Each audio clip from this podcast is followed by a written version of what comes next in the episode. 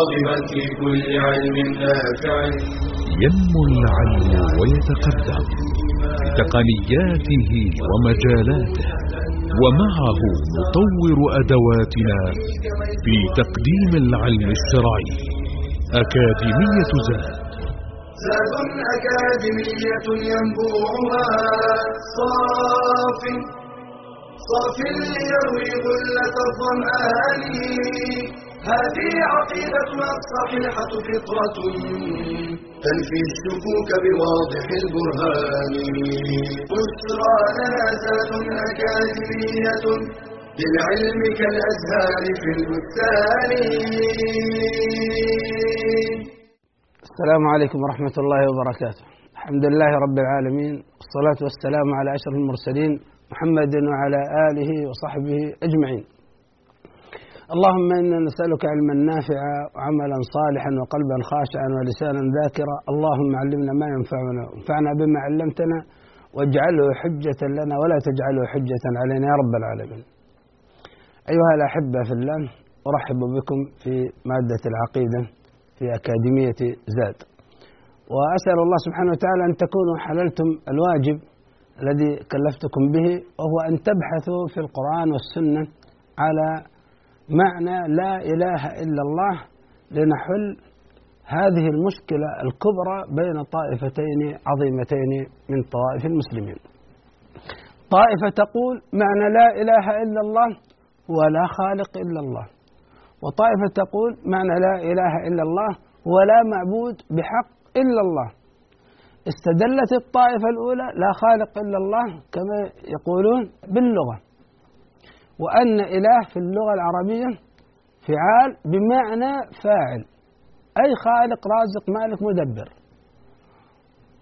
وهؤلاء قالوا لا إله في اللغة العربية بمعنى فعال بمعنى مألوه بمعنى مفعول أي مألوه. فلا معبود يستحق العبادة إلا الله. وذكرنا في الحلقة الماضية أن الخلاف له ثمرة عظيمة وينبني عليه كل يعني أشياء يعني الطائفة الأولى التي تقول لا خالق إلا الله تتهم الطائفة الثانية بأنهم خوارج وأنهم تكفيريين وأنهم يكفرون المسلمين بغير حق وهكذا. والطائفة الثانية تتهم الطائفة الأولى إذا إذا صرفوا نوعا من أنواع العبادة لهؤلاء المقبورين الموتى وهم لا يعتقدون أنه خالق مالك رازق مدبر. يقول هذا شرك أكبر مخرج من الملة. وهؤلاء قبورية معظمين للقبور. وهؤلاء مشركون بأفعالهم هذه. وشركهم أعظم من شرك السابقين. وهكذا. إذا عندنا إشكالية كبرى. قلنا مرجع هذا الخلاف أن نرجع للكتاب والسنة في المرة الماضية تكلمنا عن اللغة وقلنا أن علماء اللغة كانوا مع الفريق الثاني. فلا يوجد عالم من علماء اللغة يقول إله بمعنى آله. ما في أحد من علماء اللغة يقول هذا. وأمر ثاني قالوا لو قلنا إله بمعنى آله صار عابد. لأنه آله يعني عابد متأله متعلق. إذا يقولون لا أصبح العكس يعني أصبح الخالق جل جلاله هو المتعلق بمخلوقاته. فمن ناحية اللغة خرجنا أنه لا يسند أصحاب القول الأول. ووصلنا أننا سنبحث في يعني الكتاب والسنة على هذا المعاني تعالوا يا أخوان إذا أردنا نبحث في الكتاب والسنة نبحث عن من؟ نأتي للأنبياء والرسل الذين دعوا أقوامهم إلى لا إله إلا الله وهذا أمر متفق عليه. لا يوجد نبي ولا رسول إلا ودعا قومه إلى لا إله إلا الله. فخلونا يا إخوان يعني ننظر إلى دعوة الأنبياء والرسل. نبدأ بنوح عليه السلام. ماذا قال نوح عليه السلام لقومه؟ قال الله عز وجل لقد أرسلنا نوحا أنا أريد منكم أن تتأملوا الآيات لأن لن نذكر أقوال مفسرين. قد يقول هذا الشخص هؤلاء حنابلة قد يكون يقول الشخص لا هؤلاء يعني صوفية لا نحن سنأتي من خلال الآية الواضحة. قال الله عز وجل لقد أرسلنا نوحا إلى قومهم. فقال يا قوم اعبدوا الله ما لكم من إله غيره. إني أخاف عليكم عذاب يوم عظيم. يا قوم هذا نوح يقول لقومه يا قوم اعبدوا الله ما لكم من إله غيره. إني أخاف عليكم عذاب يوم عظيم. أي لا إله إلا الله في هذه الآية. نريد لا إله إلا الله في الآية ومعناها من خلال الآية. قال ما لكم من إله. هذه إيش معناها؟ لا إله. غيره. الضمير يعود من؟ على الله. ما لكم من إله. لا إله. غيره إلا الله. إذا لا إله إلا الله في هذه الآية هي أين ما لكم من إله غيره. ما معناها من خلال الآية؟ اعبدوا الله. يا قوم اعبدوا الله. السبب لأنه لا معبود يستحق العبادة إلا الله. ما لكم من إله غيره. فمعنى هنا إله معبود. اعبدوا الله لأنه لا معبود يستحق العبادة إلا الله. إني أخاف عليكم عذاب يوم عظيم. قد يقول شخص يعني ما هي واضحة جدا. نأخذ آية أخرى تتعلق بنوح. قال الله سبحانه وتعالى ولقد أرسلنا نوحا إلى قومه. إني لكم نذير مبين. ألا تعبدوا إلا الله. إني أخاف عليكم عذاب يوم أليم. تعالوا الآية هذه. هنا لقد هناك ولقد. ولقد أرسلنا نوحا إلى إلى قومه. ولقد أرسلنا نوحا إلى قومه. إني لكم نذير مبين. أن لا تعبدوا إلا الله. هنا قال يا قوم اعبدوا الله. ما لكم من إله غيره.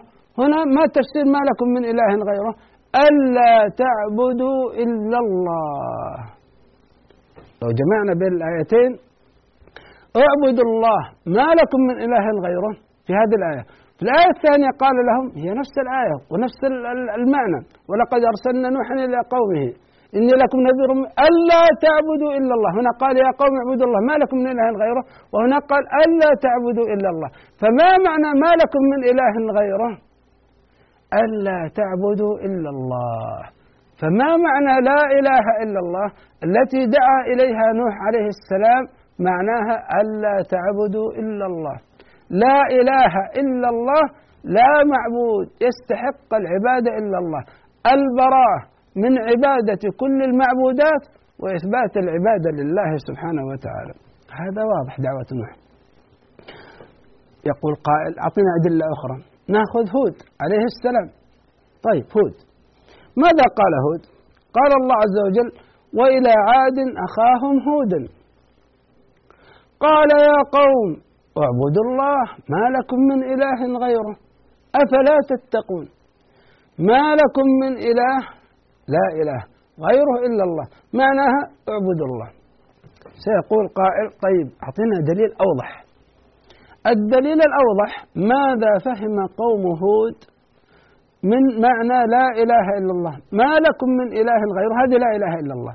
ما لكم من إله لا إله غيره إلا الله. ماذا فهم قوم هود؟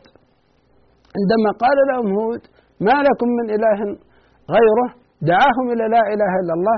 قالوا أجئتنا لنعبد الله وحده ونذر ما كان يعبد آباؤنا. والله أكبر. ماذا فهم قوم هود من لا إله إلا الله عندما دعاهم هود إلى لا إله إلا الله؟ فهموا ترك.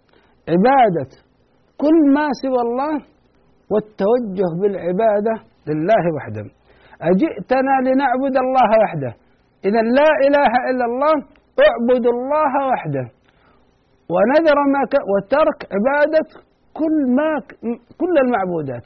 ترك ما كان يعبده الآباء غير الله سبحانه وتعالى. ونذر ما كان يعبد آباؤنا. هذه آية قوية واضحة. واضحة. ما معنى لا إله إلا الله؟ عبادة الله وحده لا شريك له وترك عبادة كل ما سوى الله.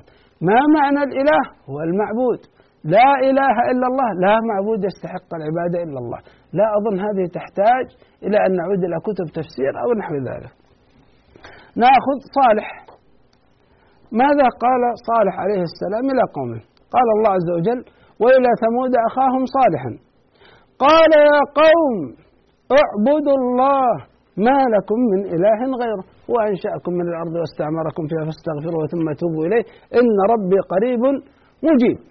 هذا دعوتهم. طيب اعبدوا الله ما لكم من إله غيره. ما لكم من إله؟ لا إله. غيره إلا الله. ما معنى من خلال الآية؟ اعبدوا الله. لأنه لا معبود يستحق العبادة إلا الله. لكن سيقول قائل أعطينا أوضح. ماذا فهم قوم صالح من دعوة صالح لهم إلى لا إله إلا الله؟ قالوا يا صالح قد كنت فينا مرجوا قبل هذا. أتنهانا أن نعبد ما يعبد آباؤنا؟ وإننا لفي شك لما تدعون مما تدعون إليه مريب. ماذا فهم قول قوم صالح من دعوة صالح لهم إلى لا إله إلا الله قالوا أتنهانا أن نعبد ما يعبد آباؤنا؟ يعني فنعبد الله وحده لا شريك له ونترك ما يعبده آباؤنا. ففهموا من معنى لا إله إلا الله ترك جميع المعبودات التي يعبدها الآباء والتوجه إلى عبادة الله وحده لا شريك له. في آية ثالثة أيضا تدعم هذا قال الله عز وجل لقد أرسلنا إلى ثمود أخاهم صالحا ما هي دعوته؟ أن اعبدوا الله. فإذا هم فريقان يختصمون. إذا كانت الدعوة إلى عبادة الله وحده لا شريك له. هذا معنى ما لكم من إله غيره. نأخذ شعيب مثلا. قال الله سبحانه وتعالى وإلى مدين أخاهم شعيبا. قال يا قوم اعبدوا الله ما لكم من إله غيره نفس المعنى. ما لكم من إله غيره لا إله. معناها اعبدوا الله وحده لا شريك له. إذا هذا معنى كذا طيب سيقول قائل أعطينا شيء أوضح. ماذا فهم قوم شعيب من دعوة شعيب لهم إلى لا إله إلا الله؟ قالوا يا شعيب أصلاتك تأمرك أن نترك أصلاتك تأمرك أن نترك ما يعبد آباؤنا أو أن نفعل في أموالنا ما نشاء إنك لأنت الحليم الرشيد.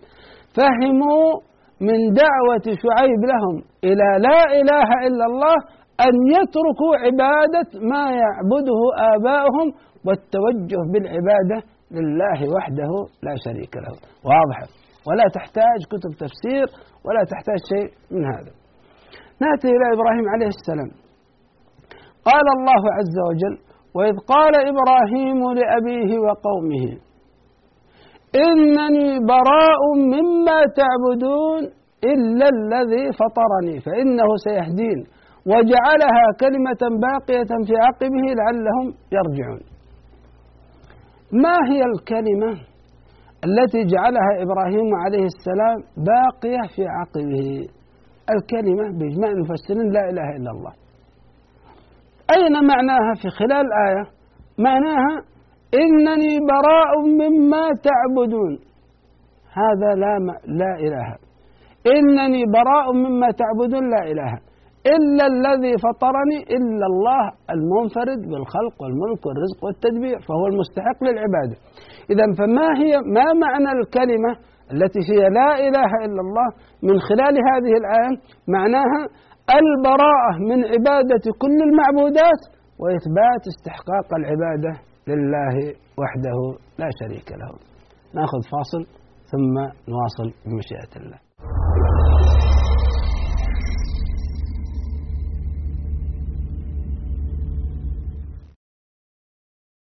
من أعظم الأخطار التي تهدد المجتمع وتجعل بناءه هشا ضعيفا. جهل المرأة بما تحتاج إليه من أمور دينها ودنياها وشؤون حياتها فهي الساعد الآخر لبناء المجتمع.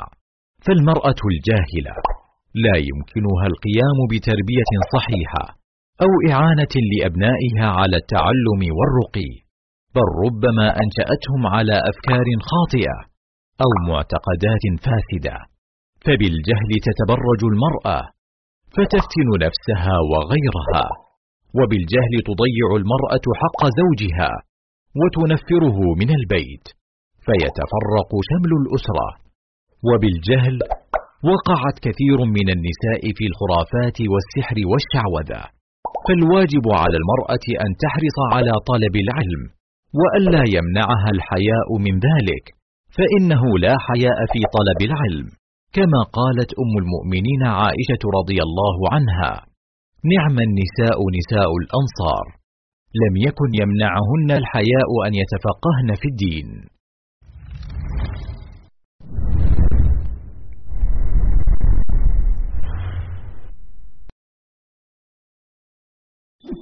جهل وظلم فرقة وقطيعة شرك وضلال. هكذا كان الحال. فيأذن الله بإشراقة فجر جديد ونور يمحو به تلك الظلمات. محمد رسول الله. وصفه ربه بقوله. وإنك لعلى خلق عظيم. فجمع له من خصال الكمال ومحاسن الصفات. ما لم ينله أحد من البشر. فقد ثبت أنه كان أوفر الناس عقلا. أجودهم نفسا أرحبهم صدرا أشدهم حياء. كان أشجع الناس وازهدهم في الدنيا وأكثرهم تواضعا. يعين أهله ويخيط ثوبه ويخدم نفسه. يزور المسلمين وغير المسلمين ويعود مرضاهم ويدعوهم إلى الخير. كان صادق اللهجة راسخ المبدأ أعدل الناس أرفقهم بالضعفاء. أنصف المرأة والطفل وشملت رحمته حتى الحيوان. أثنى عليه حتى المنصفون من غير المسلمين. فيقول الألماني يوهان غوتا إننا أهل أوروبا بجميع مفاهيمنا.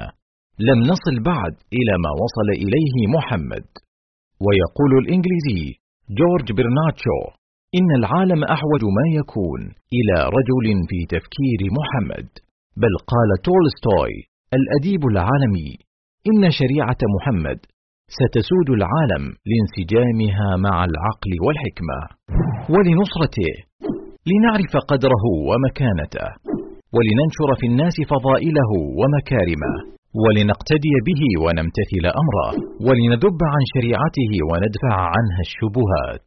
فلو لم يكن للنبي صلى الله عليه وسلم من الفضل إلا أنه الواسطة في حمل رسالة رب العباد إلى عباده وتعريفهم به لكان فضلا لا يستقل العالم بشكره ولا البشرية بمكافأته.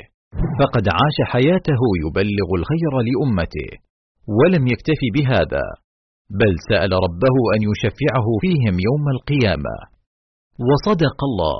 وما أرسلناك إلا رحمة للعالمين.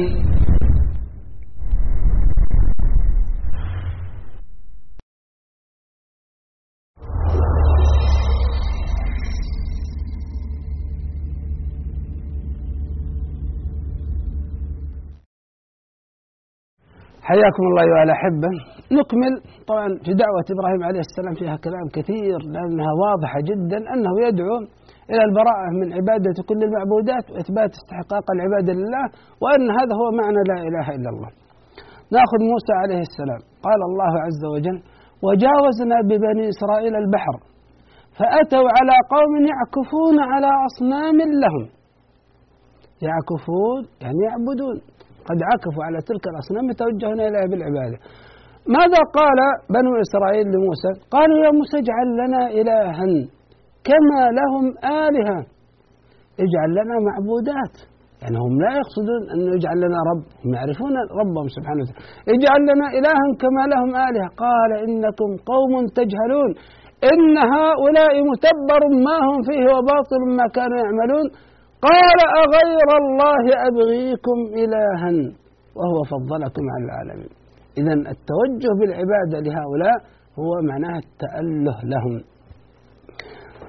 آه دعوة موسى عليه السلام إلى لا إله إلا الله ما ماذا قال؟ قال الله عز وجل وأنا اخترتك فاستمع لما يوحى إنني أنا الله لا إله إلا أنا فاعبدني وأقم الصلاة لذكري. ففي دعوة موسى إلى لا إله إلا الله بمعنى أنه لا يستحق العبادة إلا الله. خذوا عيسى عليه السلام. قال الله سبحانه وتعالى اتخذوا أحبارهم ورهبانهم أربابا من دون الله والمسيح ابن مريم. وما أمروا إلا ليعبدوا إلها واحدا. لا إله إلا هو. سبحانه عما يشركون. هذه آية واضحة. تعالوا لا إله إلا الله. أين لا إله إلا الله في هذه الآية؟ قال الله سبحانه وتعالى لا إله إلا هو. هذه واضحة. لا إله إلا هو. هذه لا إله إلا الله في الآية. أين معناها من خلال الآية؟ قال الله وما أمروا إلا ليعبدوا إلها واحدا ما معنى لا إله إلا هو؟ يعبد إله واحد. ويتركوا جميع المعبودات. فمعنى لا إله إلا هو لا معبود إلا الله إلا واحد وهو الله سبحانه وتعالى. هذه آية صريحة. آية صريحة في معنى لا إله إلا هو يعني أن يعبدوا إله واحد سبحانه وتعالى. ودعوة عيسى عليه السلام واضحة جدا. قال الله عز وجل قال الله يا عيسى ابن مريم أأنت قلت للناس اتخذوني وأمي إلهين. وإذ قال الله يا عيسى ابن مريم أأنت قلت للناس اتخذوني وأمي إلهين من دون الله؟ قال سبحانك ما يكون لي أن أقول ما ليس لي بحق. إن كنت قلته فقد علمته. تعلم ما في نفسي ولا أعلم ما في نفسك إنك أنت علام الغيوب. ما قلت لهم إلا ما أمرتني به. دحين قال له أنت قلت للناس اتخذوني وأمي إلهين من دون, من دون الله. إله. عندنا معنى إله؟ قال ماذا قلت لهم؟ ما قلت لهم إلا ما أمرتني به أن اعبدوا الله ربي وربكم. إذا ما معنى الإله المعبود؟ أنت قلت للناس اعبدوني. إله يعني اجعلوني معبود معنى الإله المعبود. قال لا ما قلت لهم أنا ذلك. لو كنت قلت أنت تعلم ذلك. قلت لهم أن اعبدوا الله ربي وربكم. إذا ما معنى الإله؟ هو المعبود من خلال هذه الآية وهذه آية صريحة. قال الله سبحانه وتعالى أيضا في دعوة عيسى عليه السلام لقد كفر الذين قالوا إن الله هو المسيح ابن مريم. وقال المسيح يا بني إسرائيل اعبدوا الله ربي وربكم. شوفوا اعبدوا الله ربي وربكم. هذه دعوة لا إله إلا الله. إنه من يشرك بالله فقد حرم الله عليه الجنة ومأواه النار وما للظالمين من أنصار. لقد كفر الذين قالوا إن الله ثالث ثلاثة وما من إله إلا إله واحد. وإن لم ينتهوا عما يقولون ليمسن الذين كفروا منهم عذاب أليم فلا يتوبون إلى الله ويستغفرونه. والله غفور رحيم. ما المسيح ابن مريم إلا رسول قد خلت من قبله الرسل وأمه صديقة كانا يأكلان الطعام. انظر كيف نبين لهم الآيات ثم انظر أنا يفكون. قل! هذا معنى الإله. أتعبدون من دون الله؟ ما لا يملك لكم ضرا ولا نفعا؟ والله هو السميع العليم. فما معنى الإله؟ معنى الإله المعبود. أتعبدون من دون الله؟ إن الله ثالث ثلاثة هذا هو. إنه من يشرك بالله. إذا معنى الإله يا إخوان هو المعبود في دعوة عيسى عليه السلام. واضحة تعالوا نأتي إلى نبينا محمد صلى الله عليه وسلم. قال الله عز وجل لنبيه محمد صلى الله عليه وسلم قل إنما أنا بشر مثلكم يوحى إلي أنما إلهكم إله واحد. إلهكم إله واحد. هذا لا إله إلا الله في الآية. ما معناها؟ فمن كان يرجو لقاء ربه يحقق معنى إلهكم إله واحد. كيف كيف يحقق إلهكم إله واحد؟ فليعمل عملا صالحا ولا يشرك بعبادة ربه أحدا.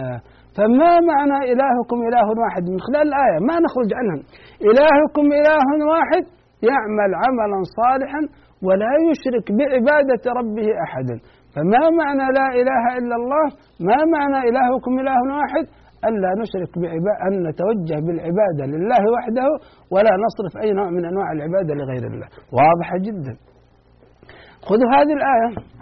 طبعا ونحن أطلنا في هذا الأمر لأهميته لأهميتهم قال الله سبحانه وتعالى عن دعوة محمد صلى الله عليه وسلم إنهم كانوا إذا قيل لهم لا إله إلا الله يستكبرون. ويقولون أئنا أئنا لتاركوا آلهتنا لشاعر مجنون هل هم كانوا يعتقدون أن هناك أرباب كثر خلقوا السماوات والأرض؟ لا. لكن كانوا يصرفون العبادة لمعبوداتهم الأرضية مع الله سبحانه وتعالى. فلا قال النبي صلى الله عليه وسلم لهم لا إله إلا الله. لا إله إلا الله. ماذا فهمها مشركو مكة؟ أنه يتركون جميع المعبودات ويتوجهون بالعبادة والتأله لله وحده لا شريك له فسموه شاعر مجنون. خذوا هذه الآية.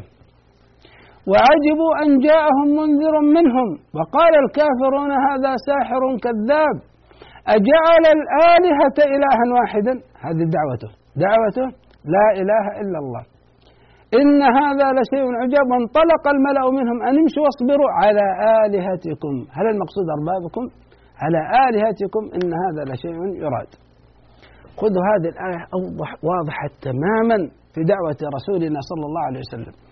قال الله عز وجل قل يا أهل الكتاب قل يا أهل الكتاب تعالوا إلى كلمة سواء بيننا وبينكم. الكلمة السواء هي لا إله إلا الله. هذه معروفة عند جميع المفسرين. تعالوا إلى كلمة سواء بيننا وبينكم. ما معنى لا إله إلا الله من خلال هذه الآية؟ ألا نعبد إلا الله ولا نشرك به شيئا ولا يتخذ بعضنا بعضا أربابا من دون الله. فإن تولوا فقولوا اشهدوا بأننا مسلمون. ما معنى لا إله إلا الله في هذه الآية؟ أين لا إله إلا الله في هذه الآية؟ الكلمة السواء ما معنى ألا نعبد إلا الله ولا نشرك به شيئا؟ فما معنى لا إله إلا الله في القرآن في دعوة نبينا محمد صلى الله عليه وسلم ألا نعبد إلا الله ولا نشرك به شيئا؟ خذوا أيضا هذه الآية. قال الله سبحانه وتعالى لا إكراه في الدين. لا إكراه في الدين. قد تبين الرشد من الغي فمن يكفر بالطاغوت ويؤمن بالله فقد استمسك بالعروة الوثقى لا انفصام لها والله سميع عليم. أي لا إله إلا الله في هذه الآية؟ لا إله إلا الله في هذه الآية هي العروة الوثقى. العروة الوثقى. لا إله إلا الله هي العروة الوثقى. طيب ما معنى العروة الوثقى؟ لا إله إلا الله في الآية؟ يكفر بالطاغوت ويؤمن بالله. يكفر بالطاغوت لا إله. الكفر بجميع المعبودات التي طغى بها أصحابه أو هم طغوا في أنفسهم. فتجاوزوا حدود المخلوق إلى حد الخالق جل جلاله ويريدون من الناس أن يصرفوا لهم العبادة. أو الناس تجاوزوا بهم حدودهم فعبدوهم من دون الله. يكفر بالطاغوت يكفر بجميع المعبودات التي عبدت من دون الله. ويؤمن بالله يؤمن بأن الله سبحانه وتعالى هو المستحق وحده للعبادة هذا معنى العروة الوثقى وهذا معنى لا إله إلا الله. خذوا هذا الحديث من أحاديث النبي صلى الله عليه وسلم. هذا الحديث متفق عليه. يرويه سعيد بن المسيب عن أبيه أنه أخبره. قال لما حضرت أبا طالب الوفاة. تعالوا يا أخوان نتأمل هذا الحديث حديث عجيب. جاءه رسول الله صلى الله عليه وسلم فوجد عنده أبا جهل بن هشام وعبد الله بن أبي أمية بن المغيرة. قال رسول الله صلى الله عليه وسلم هذا رسولنا يحدث أبا طالب. قال رسول الله صلى الله عليه وسلم لأبي طالب يا عم قل لا إله إلا الله. هنا الكلمة موجودة لا إله إلا الله. كلمة أشهد لك بها عند الله هذه الكلمة لا إله إلا الله. قال أبو جهل انتبهوا يا أخوان وعبد الله بن أبي أمية قال يا أبا طالب أترغب عن ملة عبد المطلب؟ عندنا لا إله إلا الله في اليمين. وعندنا ملة عبد المطلب في اليسار. ما يمكن إما أن تختار ملة عبد المطلب أو لا إله إلا الله. عاد النبي صلى الله عليه وسلم عليه قل لا إله إلا الله. أعاد عليه ملة عبد المطلب. فلم يزل الرسول صلى الله عليه وسلم يعرضها عليه ويعودان بتلك المقالة ملة عبد المطلب. حتى قال أبو طالب آخر ما كلمهم هو على ملة عبد المطلب وهذا أن يقول لا إله إلا الله. إلى آخر الحديث. تعالوا الآن في ملة عبد المطلب. الآن لا إله إلا الله. هل هي متوافقة مع ملة عبد المطلب ولا مناقضة لملة عبد المطلب؟ مناقضة تماما مضادة تماما. تضاد هناك تضاد بين لا إله إلا الله وبين ملة عبد المطلب. تعالوا نأخذ في ملة عبد المطلب. لا إله إلا الله معناها لا معبود يستحق العبادة إلا الله ولا لا خالق إلا الله. هم في ملة عبد المطلب ولئن سألتهم من خلق السماوات والأرض وسخر الشمس والقمر ليقولن الله الله. من خلق السماوات والأرض من سخر الشمس والقمر الله. قال الله ولئن سألتم من خلق السماوات والأرض ليقولن الله. إذا عندهم أن الله هو المنفرد بالخلق والملك والرزق والتدبير. هذا عندهم. إذا لو كان معنى لا إله إلا الله لا خالق إلا الله لا كان. هذا متفق مع ملة عبد المطلب. لكن أن تترك جميع المعبودات وتوجه بالعبادة لله فيكون معنى لا إله لا معبود يستحق العبادة إلا الله. هذا متضاد مع ملة عبد المطلب. هذا الحديث واضح دلالة واضحة على أن معنى لا إله إلا الله التي جاء بها رسولنا صلى الله عليه وسلم معناها لا معبود يستحق العبادة إلا الله وأن معناها لا خالق إلا الله لا رازق إلا الله متضمن ذلك.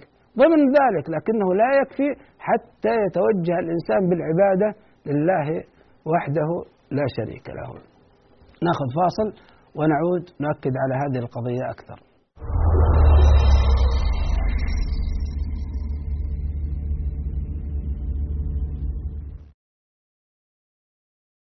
قد خلت من قبلكم سنن فسيروا في الأرض فانظروا كيف كان عاقبة المكذبين.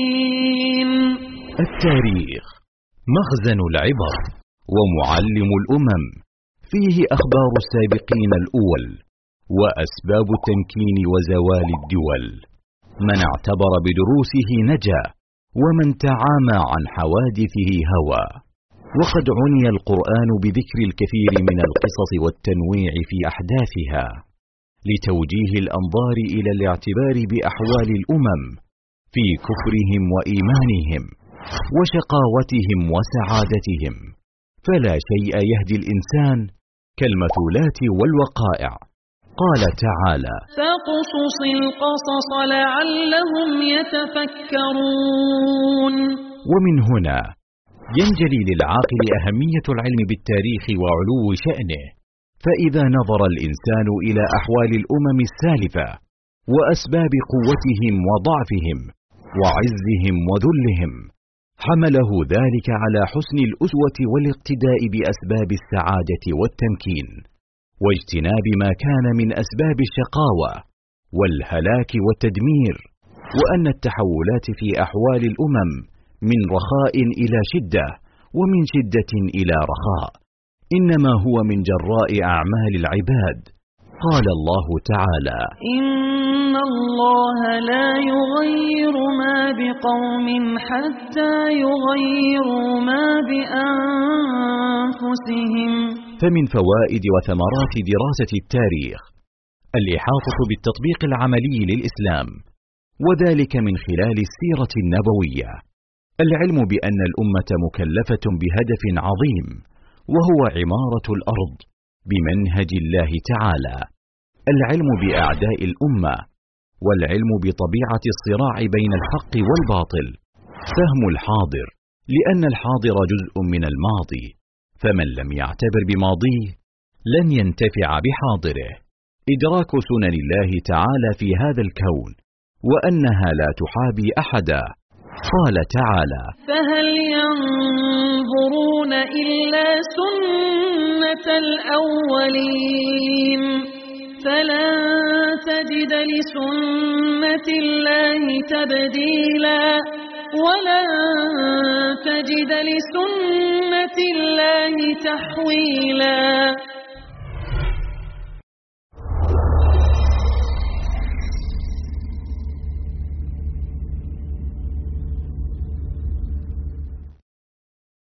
حياكم الله أيها الأحبة رأيتم وهذا يعني الحديث في غاية الأهمية أن معنى لا إله إلا الله التي فهمها أبو جهل وعبد الله بن أبي أمية وفهمها مشركو مكة وهي التي جاء بها رسولنا صلى الله عليه وسلم أن معنى لا إله إلا الله لا معبود يستحق العبادة إلا الله.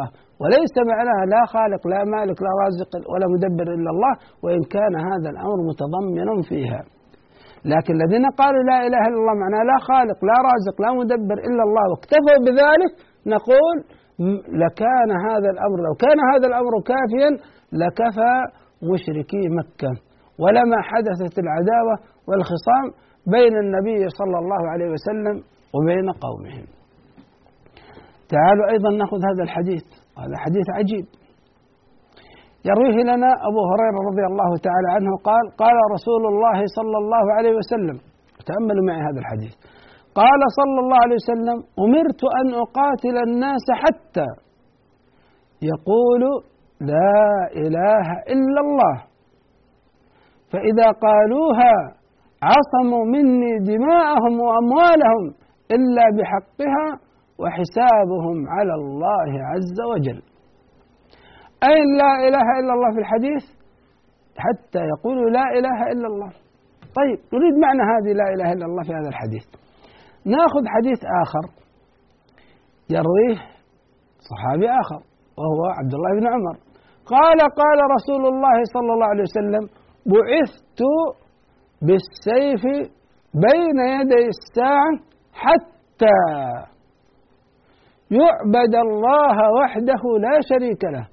وجعل رزقي تحت ظل رمحي وجعل الذ- الذل والصغار على من خالف أمري ومن تشبه بقوم فهو منهم. تعالوا ناخذ الشاهد. هنا قال أمرت أن أقاتل الناس حتى. هنا قال بعثت بين يدي الساعة بعثت بين يدي الساعة بالسيف حتى. هذا نفس المعنى. امسحوا هذه مع هذه.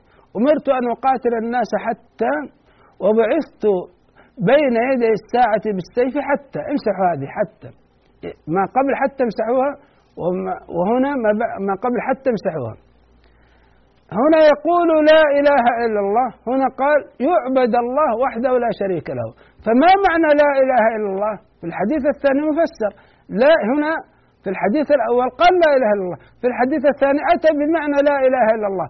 يعبد الله وحده لا شريك له. فمعنى لا إله إلا الله التي بعث بها النبي صلى الله عليه وسلم وقاتل الناس من أجل أن يقولوها. وشرع له صلى الله عليه وسلم الجهاد حتى يتحقق تتحقق لا إله إلا الله في الأرض معناها يعبد الله وحده لا شريك له.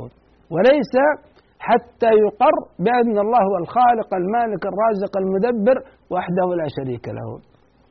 فهذا أمر في غاية الأهمية.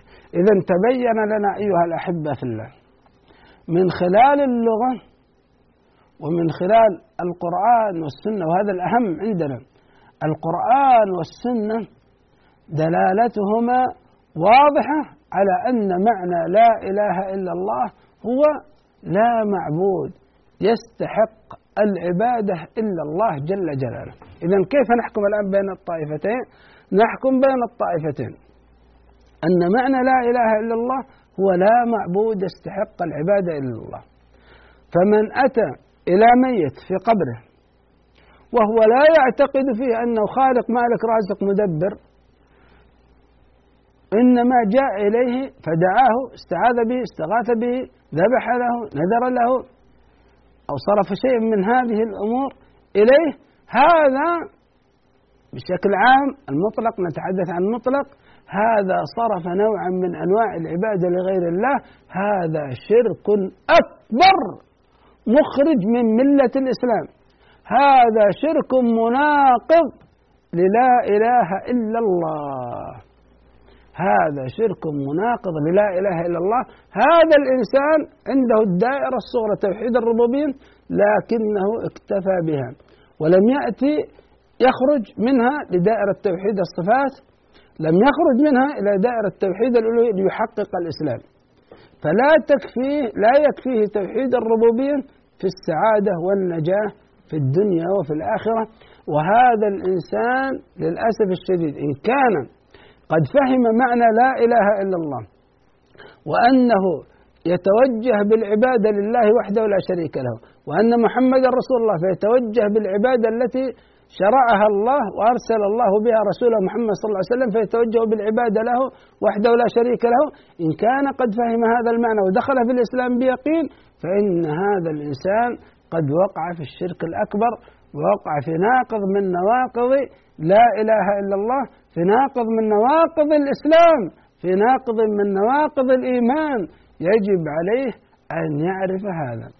ويجب على الناس أن يبلغوا جميع المسلمين بأن هذا التوجه بالدعاء بالذبح بالنذر بالاستعاذة بالاستغاثة لهؤلاء المقبورين هذا ناقض من نواقض لا إله إلا الله بل هو أعظم ما ينقض لا إله إلا الله أعظم ما ينقض الإسلام أعظم ما ينقض الإيمان هو صرف نوع من أنواع العبادة لغير الله وهذا واضح جدا. تستغرب أن هناك من يلبس على طائفة كبيرة من المسلمين ويبين لهم أن هذا توسل وتشفع. أو هذا على أقصى الأحوال أن يكون بدعة. لا هذا ليس بدعة.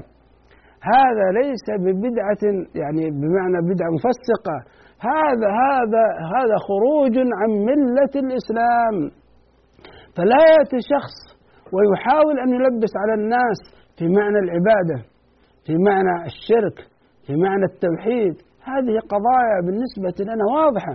والآن القرآن راجعنا كما ذكرنا سويا. وضوح دعوة الأنبياء أنهم يدعون إلى أنه لا معبود يستحق العبادة إلا الله وأن هذا معنى لا إله إلا الله. العبادة ما معناها؟ كل قول أو فعل ظاهر أو باطن. ثبت في الكتاب والسنة أن الله أمر به أو حث على فعله أو مدح فاعله أمر به قال وأقيموا الصلاة أو حث على فعله قال وأنفقوا مثلا مثل الذين ينفقون أموالهم في سبيل الله كمثل حبة أنبتت سبع سنابل. أو مدح فاعله يوفون بالنذر. كل قول أو فعل ثبت في الكتاب والسنة. الأمر به أو الحث على فعله أو مدح فاعله. التوجه به لله وحده لا شريك له هذا هو التوحيد. التوجه به إلى الموتى التوجه به إلى غير الله فيصرف إليهم. يصرف يصرف إليهم الدعاء الذبح النذر تصرف إليهم هذه العبادات. هذا هو الشرك والتنديد. يجب أن يعرف هذا. حتى لو كان هذا الشخص عنده توحيد الربوبية وهذا ما يتعلق بدرسنا. حتى لو كان هذا الشخص توحيد الربوبية يعني كما يزعم هو أنه قائم في نفسه نقول أنت لم تأتي بلا إله إلا الله كما وردت في الكتاب والسنة وكما طلبها الله سبحانه وتعالى منا. هناك قضية أخرى يا أخوان أن بعض الناس الذين يقول نحن عندنا توحيد الربوبية وهو لا إله إلا الله عندهم وسيصل بهم الأمر بعد فترة وهم يتوجهون إلى هؤلاء المقبورين بالذبح والنذر والدعاء والاستعاذة والاستغاثة. سيصل بهم الأمر كما وصل بغيرهم أن يعتقدوا أن أولئك لهم شرك في الملك شرك في التدبير ويقولون هذا الله أعطاهم ذلك. الله جعلهم يملكون الله جعلهم يدبرون الله جعلهم يشرعون. كما حدث ذلك عند غلاة الصوفية كما حدث ذلك عند غلاة الرافضة. حدث هذا الأمر. فأيضا يعني اعتقدوا فيهم الربوبية. بل يعني يا إخوان سيصل الأمر عند هؤلاء القوم وهم يتوجهون في بداية الأمر بمثل هذه الأمور إلى هؤلاء أن يصل بهم أن يجعلهم أن يجعلوهم شركاء لله سبحانه وتعالى في صفاته كذلك من علم الغيب. بل قال بعضهم يعني أنه شريك في أعظم صفة من صفات الله سبحانه وتعالى وهي صفة الخلق وأن رسولنا صلى الله عليه وسلم قادر على أن يخلق النطفة بشرا في بطن أمه عياذا بالله. ما هذا؟ ما هذا الضلال يا إخوان؟ فالموضوع يعني متدرج. بعض الناس يقول نحن نذهب إلى القبور ونعبد الله سبحانه وتعالى عندها مخلصين نقول هذا شرك أصغر. هذه هي البدعة هذا محرم. السبب أنه سيجركم في مستقبل الأمور إن لم تصلوا إلى ذلك. كما وصل بغيركم أن تتوجهوا بالدعاء والذبح والصلاة لهؤلاء المقبورين. هذه مصيبة. فننتبه إلى مثل هذه الأشياء. وبعض الناس يصور صورة خيالية وهي غير موجودة البتة ويحاول أن يثير الخلاف فيها. وهو وهي أن يأتي إنسان إلى قبر ميت ويقول له يا سيدي فلان ادعو الله لي. ما يمكن هذه حالة خيالية؟ هذه حالة خيالية. إن وجدت مثل هذه الحالة نقول هذا الأمر بدعة من شرك الأسباب وهذا الأمر غير جائز. لكنها صورة خيالية لا يحاول أحد أن يبين هذا هو الواقع. هذه صورة خيالية متخيلة. لا يمكن أن يأتي شخص يأتي بمسافة يسافر إلى هذا القبر ثم يأتي له فقط هكذا من غير ذبح ولا نذر ولا استعاذة ولا استغاثة ولا ذل ولا خضوع ولا حب ولا خوف ولا رجاء. لا يمكن أن يكون هذا. يأتي له يقول له يا سيدي فلان ادعو الله لي. كما تقول الإنسان حي ادعو الله لي. لا يمكن ذلك. لا بد أن يظهر لهذا المقبور يعني حاجته ويظهر له فقره ويبكي ويخضع ويذل ويكون معظما له. فيصرف له شيء من العبادة. فلننتبه إلى هذه القضايا.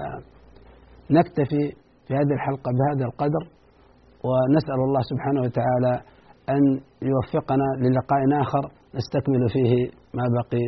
صلى الله وسلم وبارك على عبده ورسوله محمد وجزاكم الله خيرا. يا راغبا في كل علم نافع. متطلعا لزيادة الإيمان. وتريد سهلا النوال ميسرا يأتيك ميسورا بأي مكان. زاد زاد أكاديمية ينبوعها صاف صاف ليروي غلة الظمآن. هذه عقيدتنا الصحيحة فطرة. تنفي الشكوك بواضح البرهان. بشرى لنا ذات أكاديمية للعلم كالأزهار في البستان.